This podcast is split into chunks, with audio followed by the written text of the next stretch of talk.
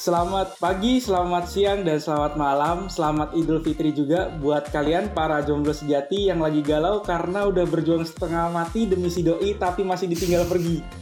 Dan yang paling bikin sakit hati, siap kali reuni selalu ditanya kapan mau punya suami atau istri. Kalau udah gitu mau bilang apa lagi selain sakitnya tuh di sini. Nggak berani komen.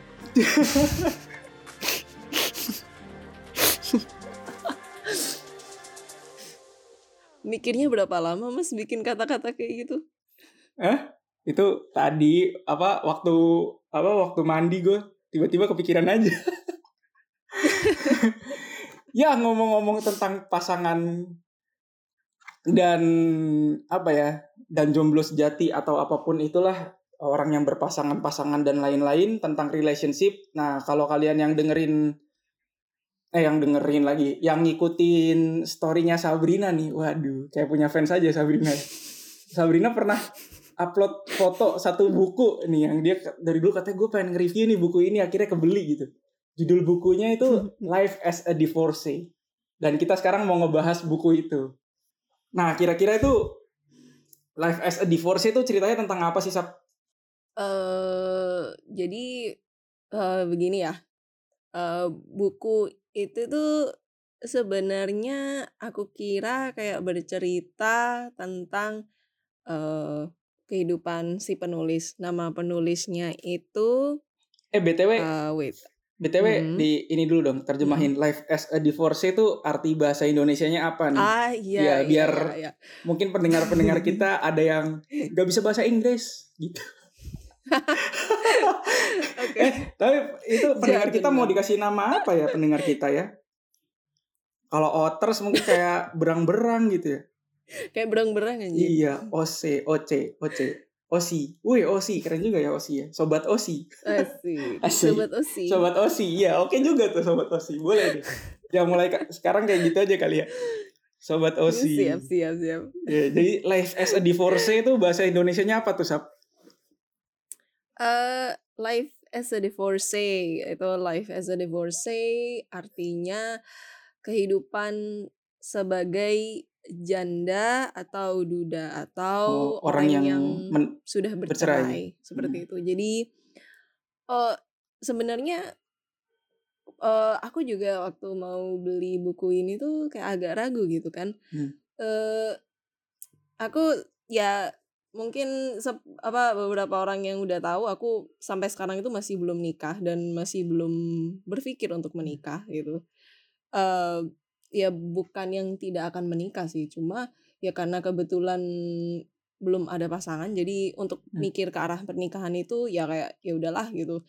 Orang apa namanya ya santai gitu. Tapi Sorry, ketika sorry. ngeliat buku ini tuh Itu hmm, ada ting ting ting ting apa ya? Oh itu Baru- itu anu itu suara jamku itu tenang guys. Oh, Baru gue mau ngetik tadi suara apa ya. gitu. iya. ting ting ting ting gitu. kayak kenapa kayak Hmm? kayak kayak di di itu ya di apa Film-film Di thriller film, gitu. film horor gitu ya Saatnya ada yang muncul terus di depan em, layar. Anjir jangan kayak gitu sendirian mulai nih. Nggak lucu. Oke oke lanjut lanjut. Kita fokus fokus. lagi meratap jendela soalnya. ya anjir no. Oke. Eh, jadi buku ini ditulis oleh eh, Firly Ka eh eh, dia itu eh, sudah dia itu jadi buku ini tuh bukan eh, apa ya cerita atau pengalaman hidupnya dia sebagai divorcee dia eh, jadi buku ini tuh sebagai pengalamannya dia sebagai seorang divorce tapi dia tidak bercerita tentang eh, apa yang menyebabkan dia divorce eh, mungkin kayak bagaimana eh, fucked up-nya kehidupan pernikahannya dia enggak gitu. Dan itu sih yang aku suka suka ya dia nggak dia nggak eh, menyelipkan kayak curhat colongan gitu enggak cuma eh, waktu aku beli buku ini tuh aku expect-nya itu kayak oh ya udahlah paling dia juga cerita tentang eh, kehidupan pernikahannya dia gitu kan. Ya semacam curhat colongan tapi dituangkan ke buku gitu. Akhirnya kayak dimonetize gitu kan. Ya lumayan kan duit gitu kan.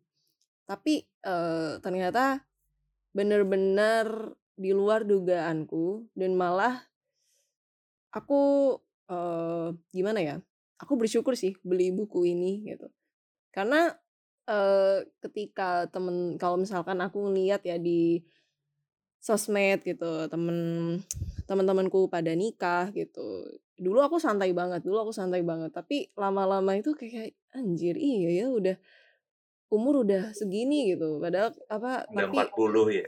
ya udah puluh 40 tahun gitu. Tapi kenapa ya kok aku belum kepikir ya gitu? Apa apa aku yang nggak normal gitu? Apa aku apa aku tuh udah mulai kayak dipertanyakan gitu jalan pikirannya gitu. Tapi aku selalu menganggap bahwa pernikahan itu bukan sekadar aku suka kamu kamu suka aku ya udah ayo nikah gitu. Tapi lebih ke apa ya? Lebih ke Hmm, biaya resepsi. bukan biaya resepsi sih tapi ibaratnya gini sih. Biaya Iya kan kalau misalnya enggak tapi anak. it's true like gitu. Tapi soalnya soalnya gini kan orang kalau misalkan nikah kan kayak mikir yang di yang dibicarakan. Ketika ketika mereka decide untuk em, menikah ketika mereka memutuskan untuk menikah eh, kebanyakan tidak selalu tapi kebanyakan orang berpikir eh nanti nikahannya di gedung apa ya? gitu. Atau eh nikahannya di Bali yuk gitu. Kayak di pinggir pantai gitu di depan sunset atau bagaimana gitu terus makeup artisnya siapa gitu terus cateringnya kayak gimana gitu tema pernikahannya apa gitu kan.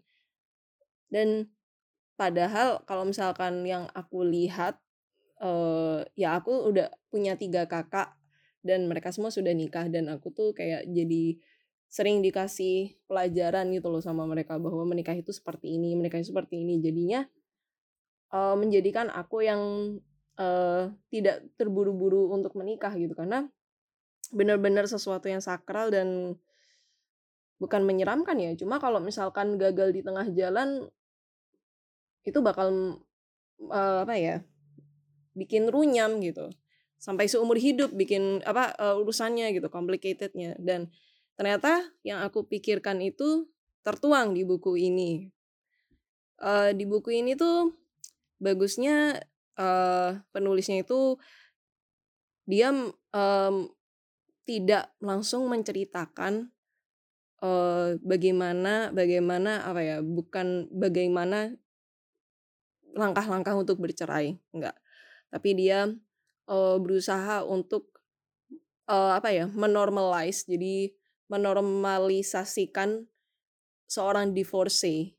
Dia- jadi dia bilang em, dia itu dia itu bilang gini eh, sebenarnya kalau orang mau bercerai gitu ibaratnya itu intinya itu gini eh, suami istri bercerai itu biasanya beban yang eh, masyarakat itu menaruh belas kasihan atau menaruh stigma paling buruk itu di pihak perempuan alias yang menyandang status janda daripada yang menyandang status duda gitu.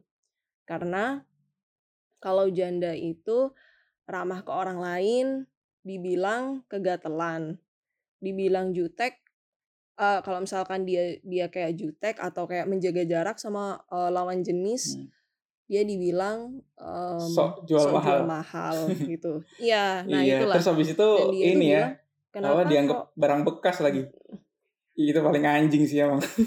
Iya, nah, Padahal itu duda dia, juga nah itu bekas dia, juga. nah itu, nah itu dia, dia dan dia bilang dan dia bilang sendiri Hmm. gitu, seolah-olah eh, karena eh, karena sudah merasakan, sudah meras bukan merasakan ya, cuma Mm-mm. karena sudah berhubungan seks maka dianggap bisa kayak ya di ya dipakai begitulah lah ya. eh, kalau di posisi janda heeh.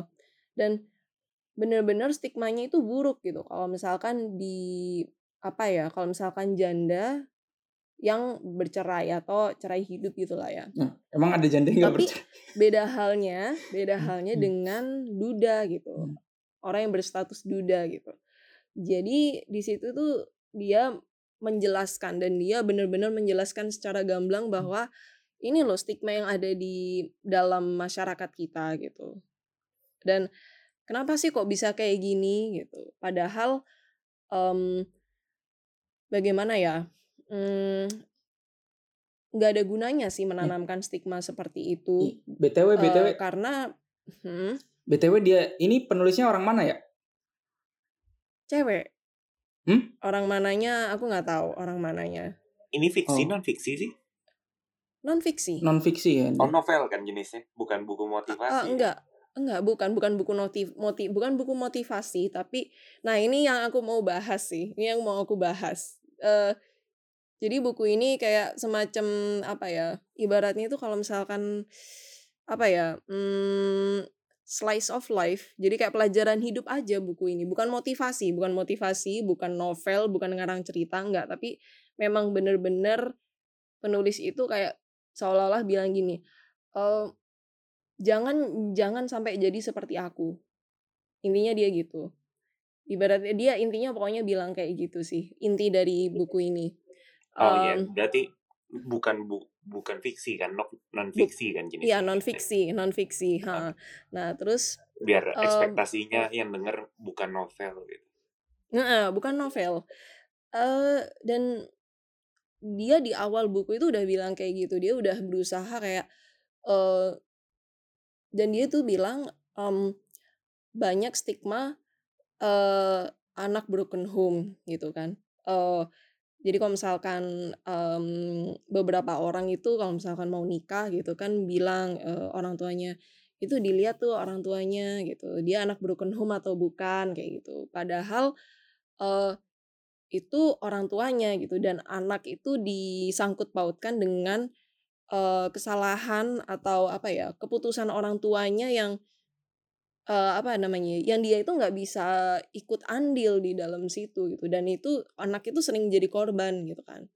Nah dia itu kayak eh, dia jadi dia bilang udahlah ini udah stigma itu kita taruh dulu stigma tentang janda atau duda gitu. Makanya dia menulis bukunya itu sebagai life as a divorcee bukan kehidupan sebagai janda gitu. Karena janda itu selalu mendapat stigma negatif gitu kan.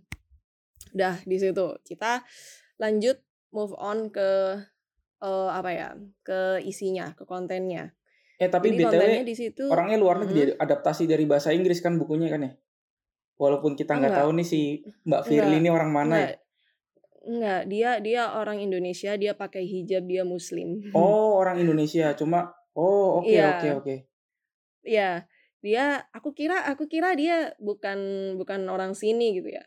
Atau setidaknya dia apa ya, liberal gitu. Ternyata begitu aku uh, balik bukunya ternyata dia pakai hijab dan aku lihat Instagramnya dia pakai hijab. Dia benar-benar apa ya? eh dia benar-benar praktis muslim gitu loh. Dia memang benar-benar muslim yang memang mempraktekkan muslim gitu kan. Dan aku kaget sih dengan cara berpikirnya dia kayaknya eh baru kali ini kayaknya ada orang yang bener-bener berani speak up untuk eh, untuk hal-hal yang tabu seperti ini gitu. Nah, kalau di konten bukunya dia itu eh, bukan langsung ujuk-ujuk ngebahas tentang perceraian, tapi dia itu pertama itu ngebahas eh, dia itu bagaimana eh, bagaimana eh, bukan bagaimana dia bisa cerai sih, cuma dia itu cerai di usia yang relatif muda, di umur 25.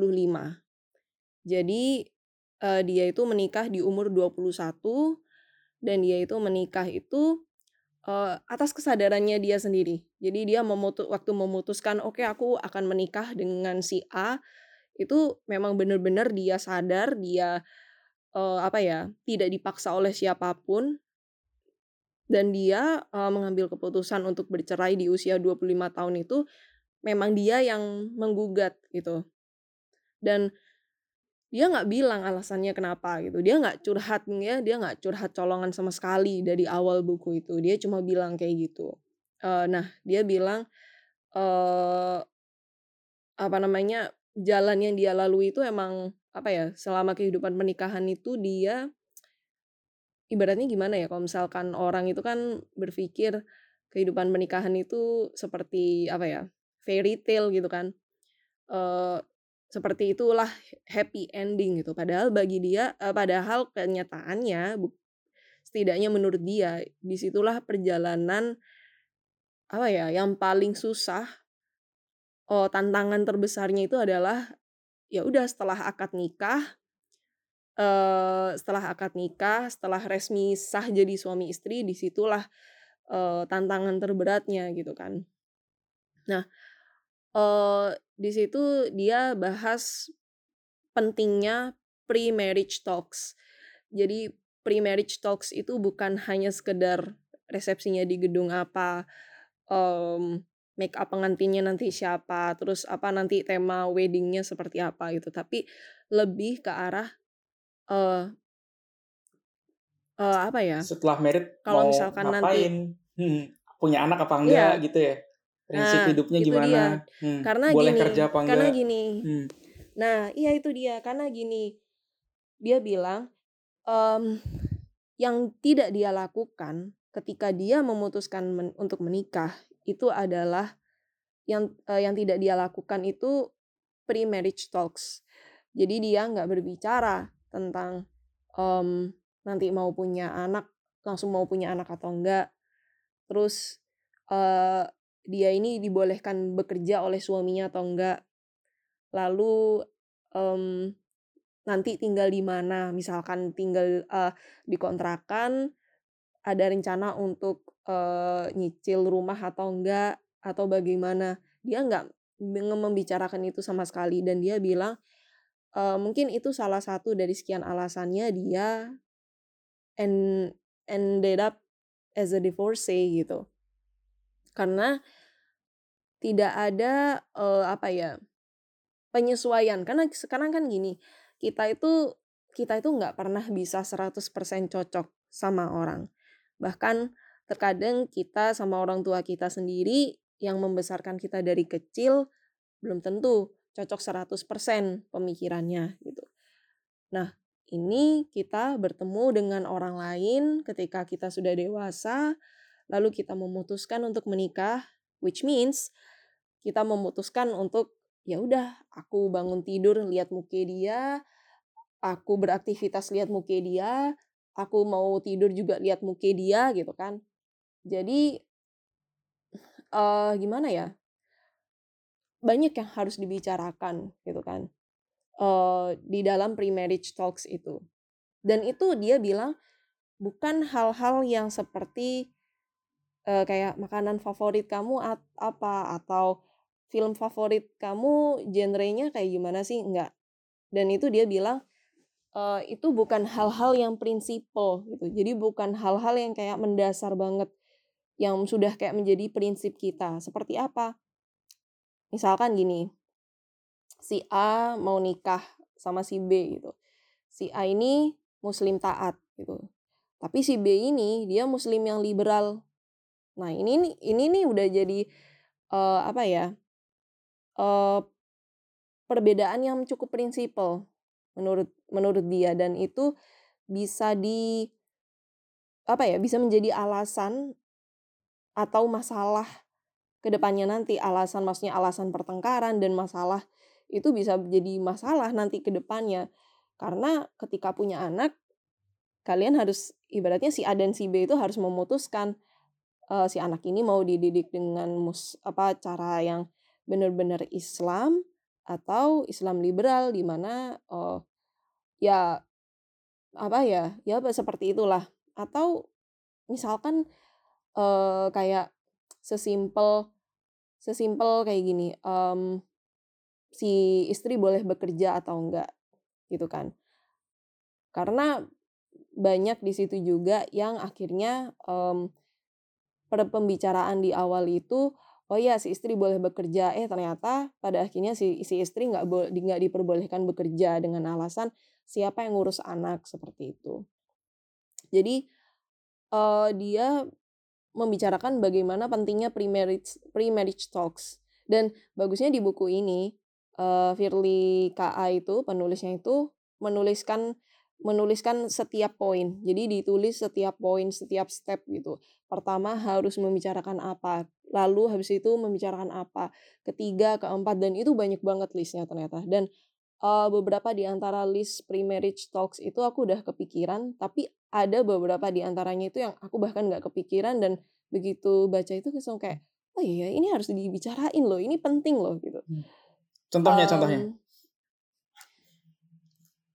gimana ya Eh, aku aku lupa ya cuma eh, sesimpel kayak gini sesimpel em, Beb, aku masokis kayak- loh, Beb, gitu. aku suka disiksa eh, gitu. iya iya Hmm, hmm, iya iya iya seriously hmm. dia bilang dia bilang sesimpel kayak eh kayak apa ya em, interest kamu di dalam hal seperti itu itu kayak gimana gitu itu itu dan itu dia bilang itu itu juga harus dibicarakan gitu. Misalkan misalkan yang satu bener-bener nggak ada pengalaman sama sekali yang satu oh udah fuckboy banget gitu atau fuck girl banget gitu itu kayak harus dibicarakan gitu loh. Hmm, itu karena nanti bisa apa ya karena hal-hal yang seperti itu itu bisa bisa jadi masalah gitu pertengkaran gitu nanti selanjutnya Iya, jangan kan selanjutnya gitu. fuckboy sama-sama nggak pernah, tapi yang satu fantasinya gimana, yang satu fantasinya gimana juga bisa nggak nyambung.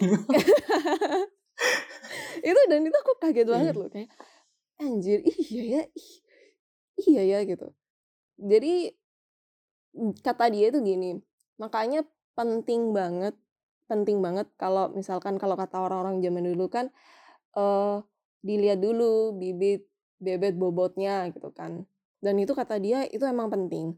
Dan kalau bisa cari pasangan itu yang sekufu. Sekufu itu gimana? Jadi kayak kalian itu kasarannya ya kasarannya. Kalian itu satu level. Ibaratnya satu level itu pemikiran eh jadi kalian itu masih bisa nyambung gitu. Karena kalau misalkan dari awal komunikasinya sudah nggak nyambung udah nggak pemikirannya itu sudah nggak satu level dan nggak udah nggak satu frekuensi itu ya nanti em, nggak akan nggak akan bisa nyambung gitu. Nah terus setelah dari situ itu dia membicarakan em, kehidupan pernikahan itu sebenarnya seperti apa. Dan itu yang aku cukup lupa bagian yang itu. Eh tapi yang menariknya itu di sini dia dia bilang akhirnya bahwa dia itu divorce karena dia eh, mengalami KDRT dan dia bilang em, keputusan dia untuk memutus keputusan dia untuk bercerai itu sebenarnya eh, untuk mendapatkan kebebasan dia lagi gitu. Maksudnya kebebasan bukan dia oh mau langsung party ke mana-mana enggak. Ternyata dia itu bilang kalau misalkan sampai saat ini saya belum memutuskan untuk divorce mungkin saya bakal muncul di di berita di koran kalau saya meninggal eh, babak belur karena habis di apa karena kor- eh, jadi korban KDRT gitu. Dan itu eh gimana ya dia juga nggak menjela dia juga nggak menjelaskan bahwa suaminya itu dari awal mereka pacaran itu udah kelihatan KDRT cuma eh kalau dilihat dari situ tuh eh kita itu nggak pernah tahu gitu kan Em, orang orang lain itu aslinya seperti apa gitu. Sampai kamu tuh nikah sama dia gitu seperti itulah ibaratnya Ini BTW KD, dan Hah. Hmm, eh, gimana? BTW KDRT tuh nggak cuma gebuk-gebukan doang loh ya. Maksudnya iya kalau nggak cuma gebuk-gebukan iya heeh. kalau kita bisa bisa secara mental iya, aku jadi inget Mm-mm. ini nih. eh waktu kapan ya? Desember 2019 tuh sebelum sebelum pandemi masuk ke Indonesia. itu kan aku nonton itu tuh bioskop Kim Ji Young judulnya. Itu dari novel Oh, novel yang Korea itu. bestseller ya Kim Ji Young 1982 itu.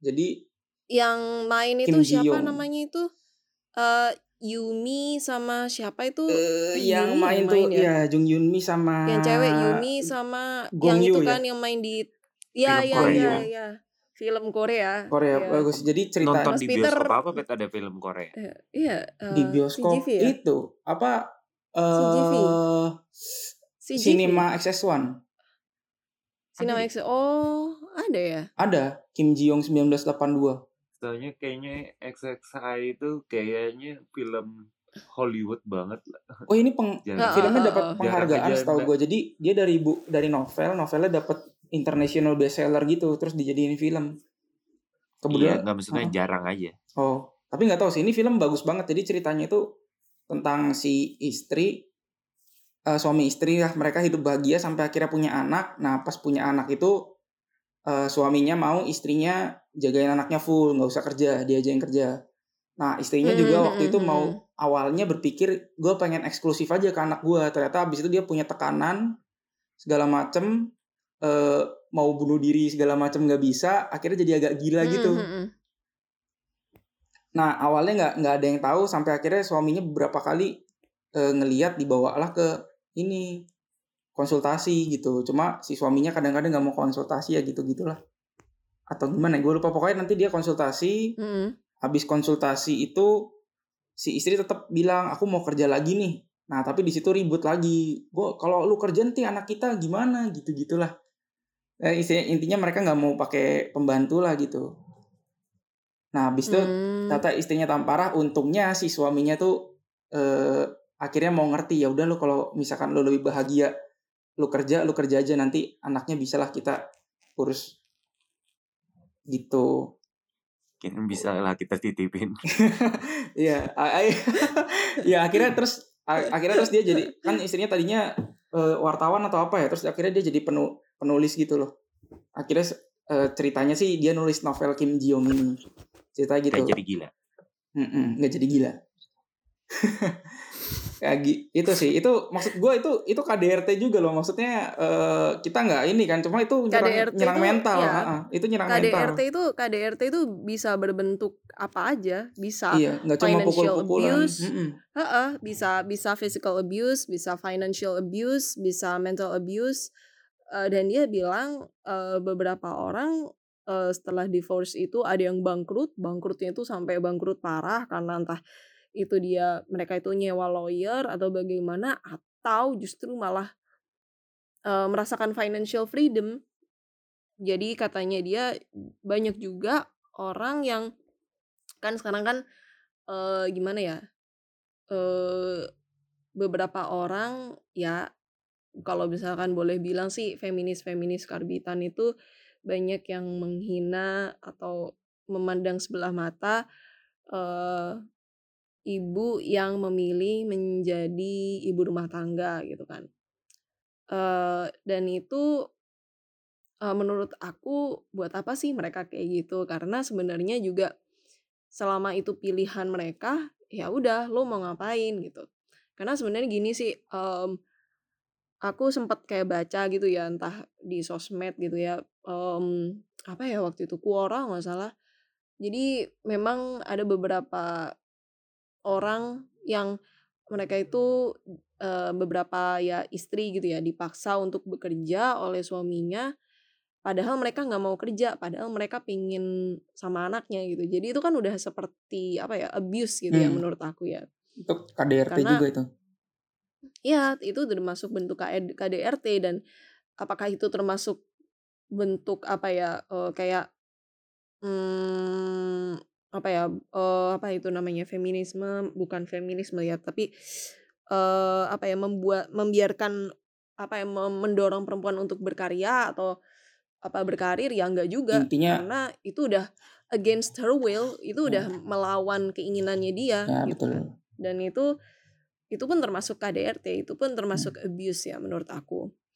Eh, dan itu tuh kadang itu yang beberapa orang lewat lewatkan begitu saja gitu dan eh, di buku ini juga dibahas hal-hal seperti itu. Eh, fa- berap- apa saja bentuk abusement yang bisa terjadi di di dalam rumah tangga gitu. Dan eh, bagaimana gitu caranya kamu tuh meminta tolong gitu. Eh, kalau misalkan kamu tuh eh, mendapatkan perlakuan kasar gitu eh, di abuse di dalam rumah tangga. Dan bagusnya di buku itu dia itu nulis em, kontak eh, apa ya kontak nomor kontak eh, yang bisa dihubungin. Kalau misalkan eh, ada KDRT di dalam rumah tangga gitu. Dan safe house-nya itu di mana aja gitu. Safe eh, bukan safe house-nya di mana aja cuma eh, bagaimana caranya supaya kamu tuh bisa kontak mereka dan minta mereka untuk jemput kamu supaya kamu itu bisa di eh, taruh di safe house gitu. Dan itu bagus sih menurut menurut aku. Karena eh, apa ya itu yang kadang sampai sekarang kita belum melek tentang KDRT banyak orang yang kayak bilang ya udahlah nggak usah ngurusin rumah tangga orang lain gitu. Kalau misalkan ada KDRT terdengar gitu ya um, KDRT gitu. Tapi sebenarnya di situlah uh, apa ya Iya, ada KDRT diem aja, sih. tapi kalau orang lagi ya mesra-mesraan digerebek.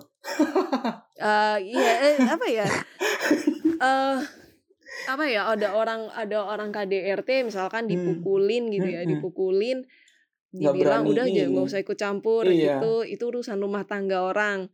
Tapi begitu mereka cerai gitu itu iya, diomongin itulah diomongin. satu Mm-mm. perumahan gitu. Dan itu kayak what the hell? gitu kan ya Iya, begitulah tapi fenomena gitu kan mm, dan itu yang memang harus dihapuskan dari dari apa ya dari muka bumi nih. dari masyarakat kita gitu berarti lalu it, lalu hmm? hmm, Ya lanjut dulu, lanjut dulu. jadi eh, lalu dari situ hmm, dia bilang eh, akhirnya sampai pada chapter ini aku ambil intinya aja ya Eh, akhirnya sampai pada chapter di buku itu di mana dia bilang bercerai itu mudah gampang banget dia bilang. Tinggal dat eh, dia dia waktu itu bilang minta cerai itu juga bukan dengan yang teriak-teriak atau yang kayak sambil nangis enggak. Cuma eh mereka itu lagi apa ya ibaratnya ya lagi ya sama-sama tenang sama-sama sama-sama ya duduk bareng gitu. Terus dia baru bilang ya aku mau minta cerai kayak gini gini gini. Jadi dia mengatakannya itu bukan karena emosi tapi memang dia udah ya udah aku emang harus cerai gitu. Dia udah ngumpulin bukti eh abuse bentuk abuse apa aja yang sudah dia alami dari suaminya.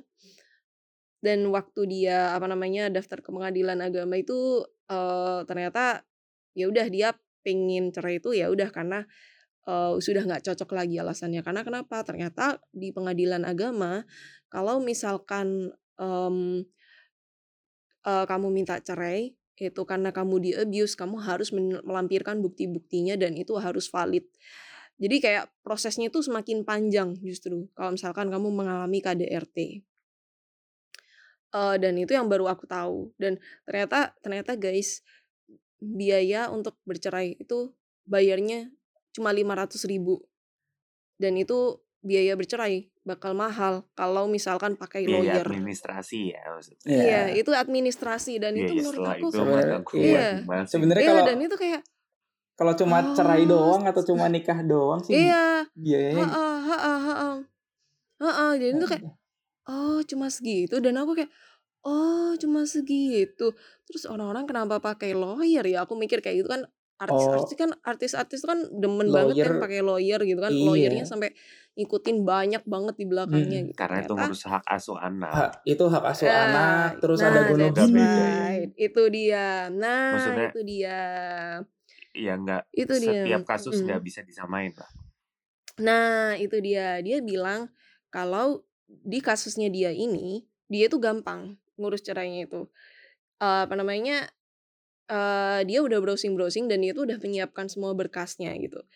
Eh, dan dia bilang eh alasannya dia cerai, dia cuma pengen cerai itu aja. Dia nggak nuntut harta apa pun dan dia nggak nuntut hak asuh anak. Karena apa?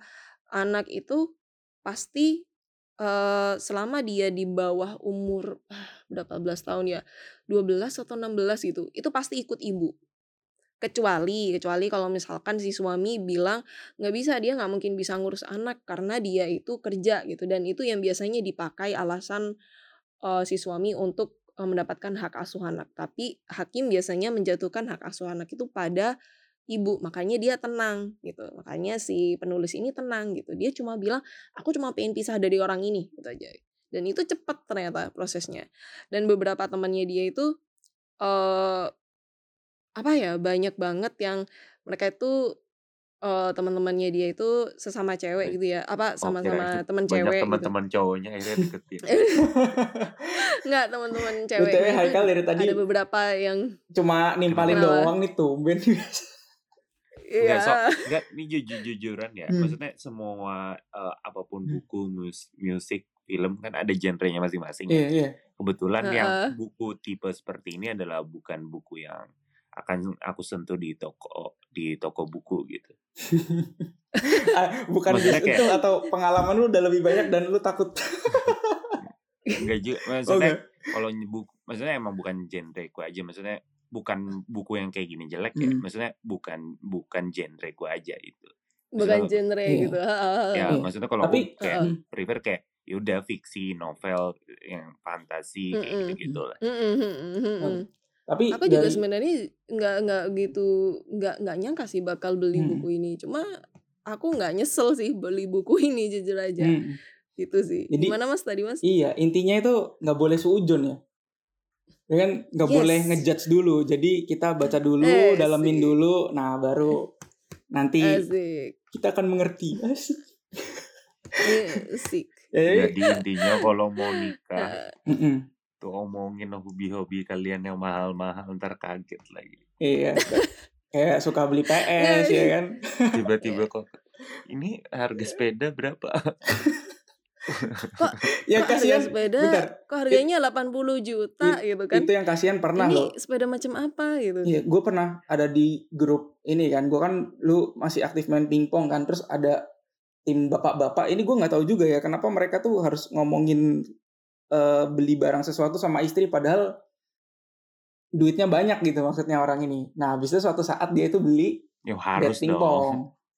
Ya beli bat pingpong. Harganya mahal banget tuh satu set eh, 8 jutaan lah. Nah, terus dia ngomong ke istrinya, Hmm. harganya berapa? Nah, dia tuh punya dua, satu setnya yang jelek, yang cuma 300 ribuan. Oh enggak kok ini ini 300 ribu doang katanya gitu kan. Nah, terus istrinya ngeliat nih yang oh set yang jelek. klasik nih pasti dijual istrinya kan Iya, istrinya ngeliat kan yang jelek, oh bener nih 300 ribu gitu. Terus kayak udah lama nggak dipakai kan, padahal yang lama nggak dipakai tuh yang bagus. Gitu, dijual nggak bilang-bilang 300 ribu. 300 ribu dijual. Ngakak. Terus dia mau mau gimana kan, mau marah takut ketahuan ya. Terus, Pasrah udah Iya. 8 juta menghilang gitu aja menguap gitu aja. 8 juta hilang pas mau dipakai loh kok nggak ada pas mau dipakai turnamen kok yang bagus nggak ada cuma bed latihan gua doang gitu Ya udah. Eh, jadi intinya gimana ya? Eh, segmen eh, buku Hmm? hmm, segmen buku ini nih sebenarnya bagus juga lah Hmm. apa nggak cuma buat yang udah cerai yang udah cerai mungkin lebih ke, ke how to face your life aja kan kalau ya yang udah cerai nggak perlu baca buku Iya. kan. Bet? Udah ngalamin dia. perlu, perlu by the way. kayak how to face Karena karena life after karena iya. divorce Ah, ah, ah, karena karena ternyata banyak orang yang ter- kata dia dia habis cerai itu dia ngerasa oh ya udah gue single lagi nih gitu kayak apa ya eh, mimpi-mimpiku yang dulu belum aku capai gitu misalkan eh, kayak aku gitu kayak aku aku pengen eh, kayak aku pengen traveling eh, traveling ke pegunungan sendirian gitu kalau misalkan ternyata aku covid gitu ya. Eh, kalau misalkan aku aku dan kalau misalkan posisiku kayak gitu nggak mungkin lah aku mikir sampai situ. Karena apa? Ya kalau misalkan posisinya udah punya anak nggak mungkin ninggal anak gitu kan dititipin ke apa namanya ke kakek neneknya lama-lama juga nggak mungkin gitu deh. Jadi kata dia itu eh, begitu kalian udah menyandang status bercerai bukan berarti kalian itu single lagi karena udah banyak lagi tanggung jawab yang harus kalian eh, kalian emban gitu dan itu beda banget sama yang namanya single gitu dan tergantung apa definisi ya? singlenya ya Iya. Kalau dia Nah, belum punya itu- anak itu mungkin mungkin masih bisa sih ya. Kalau udah punya anak mungkin beda kali. Nah, tapi gimana ya? Tapi eh, dia cerita juga sih Mas di buku itu bahwa beberapa orang yang bercerai itu kayak masih Ada eh, trauma. dipegangin, dipegangin nih, Eh, dipegangin sama mantan mantan Suaminya. mertua atau mantan suaminya atau Mm-mm. mantan istrinya gitu. Jadi atau juga masih banyak yang trauma dan memilih ya udahlah gue single aja nggak mau eh, berurusan sama apa ya Relationship, pasang- apa, relationship hal-hal gitu. relationship relationship gitu kan dan eh, gimana ya gimana ya Em, apa karena gini sih mas eh, buku bagusnya buku ini adalah eh, ini benar-benar menjelaskan secara logis eh, apa ya bagaimana pernikahan itu baik untuk orang yang belum menikah orang yang sudah menikah maupun yang mereka cerai. yang sudah bercerai gitu. Jadi bagi orang yang single, buku ini tuh sebagai pelajaran. Bagi orang yang eh, sudah menikah, buku ini tuh eh, sebagai pengingat. Dan bagi orang yang sudah bercerai, buku ini tuh sebagai penyemangat. Oke deh, Gitu sih sebagai nostalgia. Tapi beneran sih, eee, apa ya, buku ini bagus. Eee, bukan bukan bukan berarti bukan berarti, ya udah kalau misalkan cerai, cerai aja, enggak gitu. Tapi you have to take marriage very very seriously dan kalau misalkan emang kalian kepikir untuk kayak, ya udah disudahin aja gitu, coba deh berpikir 2 kali karena, eee, bebannya berat banget untuk menjadi seorang divorcee, seperti itu sih. Gitu sih. Iya. Kayaknya itu Oke, aja deh, aku iya. nggak ngerti ya kalau Dari misalkan kalian ada mhm. tambahan atau kalian kayak mau berpikir, menurut gua tuh ya Iya. gitu, marriage itu kayak gini ya, Iya. silakan sih kalian, eee, aku kasih waktu ke kalian, ayo gimana sih. gimana? Ya sebenarnya Biasanya kalau yang cowok-cowok ini kan Hmm. yang cowok-cowok ini kan kayak, "Aduh gua males nikah," biasanya kan kayak gitu ya dah. Kal aku kasih waktu ke males kalian. nikah, kawin doang. Nggak mau komen. Iya. Ya udah gue aja deh. Haikal kayaknya terlalu berbahaya oke deh gue oke. aja deh. Itu apa Ya jadi sebenarnya buku mungkin. buku buku ini sebenarnya bagus dibacanya semua ya, ba eee, baik itu cowok ataupun cewek dan dia kalau kalau yang udah cerai ya kayak semacam ya pedoman buat lu supaya tetap tegar segala macam ya kan, gimana caranya ngilangin trauma segala. Mhm. Kalau lu Mhm. in a marriage ya buat pedoman juga atau kalau lagi Eee, apa ya, ya Mengalami rumah tangga lu lagi bermasalah, nah coba, Iya, eee, apa sih masalah-masalah yang belum selesai yang kalian belum omongin, di masih Ya, bisa nah dipertahankan nggak sih gitu, dan masih mau Heeh. ada kompromi nggak nih antara kalian berdua gitu. Sama kalau, Heeh heeh. eee, buat yang belum married nih atau yang lagi persiapan mau married ya, coba pre Mhm. premarital apa, premarital talks-nya itu lebih didalemin lagi, bener cocok nggak sih, ada perbedaan-perbedaan yang bisa dikompromikan nggak sih? Jangan diperkuat premarital mhm. sex-nya saja. Kira-kira seperti itu ya. Jadi tapi yang bilang pembahasan 3 kayak gini tabu-tabu nikah seperti ya? hmm? Kenapa? Kenapa, Kak? Tapi ini omongan dari 3 orang yang belum menikah ya? Ya. Yes. Perspektifnya dari orang yang belum menikah ya, Perspektifnya seperti ini. Perspektifnya kayak gitu. Nah, Siapa Ya, tahu dan yang nikah cocoknya itu beda pikiran kan. heeh, yang Ternyata cocoknya itu kalau misalkan heeh? ternyata kata Peter, "Ah, tinggal nikah aja." Bisa jadi loh. Bisa jadi loh, sudut pandang gua. Iya iya, sebenarnya Hmm. sih sebenarnya sih kalau misalkan kayak gini tuh cocoknya kita Iya. invite orang yang sudah nikah gitu ya. Cuma, Eee, gimana ya? Iya, Ya l kita logik sudah siapkan Latif di belakang. Iya, ada Latif. Latif udah mau kita panggil lagi. Latif. Ini internal jokes banget ya. Tapi Iya bener. nanti gue tag Latif ah. Ya tapi ini loh apa namanya eh, ya intinya ada pesan juga yang menurut kalian masih tabu-tabu atau apa ya di bumi hanguskan saja lah itu pe, apa namanya pandangan tabu-tabu itu soalnya tuh di zaman sekarang udah penting banget sih apalagi dunia geraknya cuman udah cepet kan nggak kayak dulu lagi kan teknologi Mm-mm, udah bener banyak bener pekerjaan-pekerjaan juga udah nggak kayak dulu lagi makin demanding Hmm. gitu Mm-mm. ya penting Kayak sih maksud Peter jangan dicoba dulu ya, bukan ke arah sana ya. Eh, tapi ya literasinya itu yang di apa ya namanya diperkaya aja. Ya udah, mari kita tutup saja episode ini sebelum kita ber- kita beralih ke topik-topik yang melenceng. Kita topik yang melencengnya kita simpan untuk setelah record aja kayaknya. Betul betul. Oke buat ya buat sobat-sobat OSI anjay, sobat OSI bisa Asik. Didengerin dong, lihat Instagram kita kalau udah dilihat jangan jangan dilihat doang ya storynya ya, didengerin. kalau mau gabung, Kan dia kalau udah denger ini berarti udah denger. oh iya, siapa siapa tahu kan. Ntar gue taruhnya siapa tahu kan kayak Balik biasa di kamu. ini di teaser gue taruh. ya udah deh kita udah makin ngaco. Sampai jumpa di episode selanjutnya. Bye bye. Bye. Bye.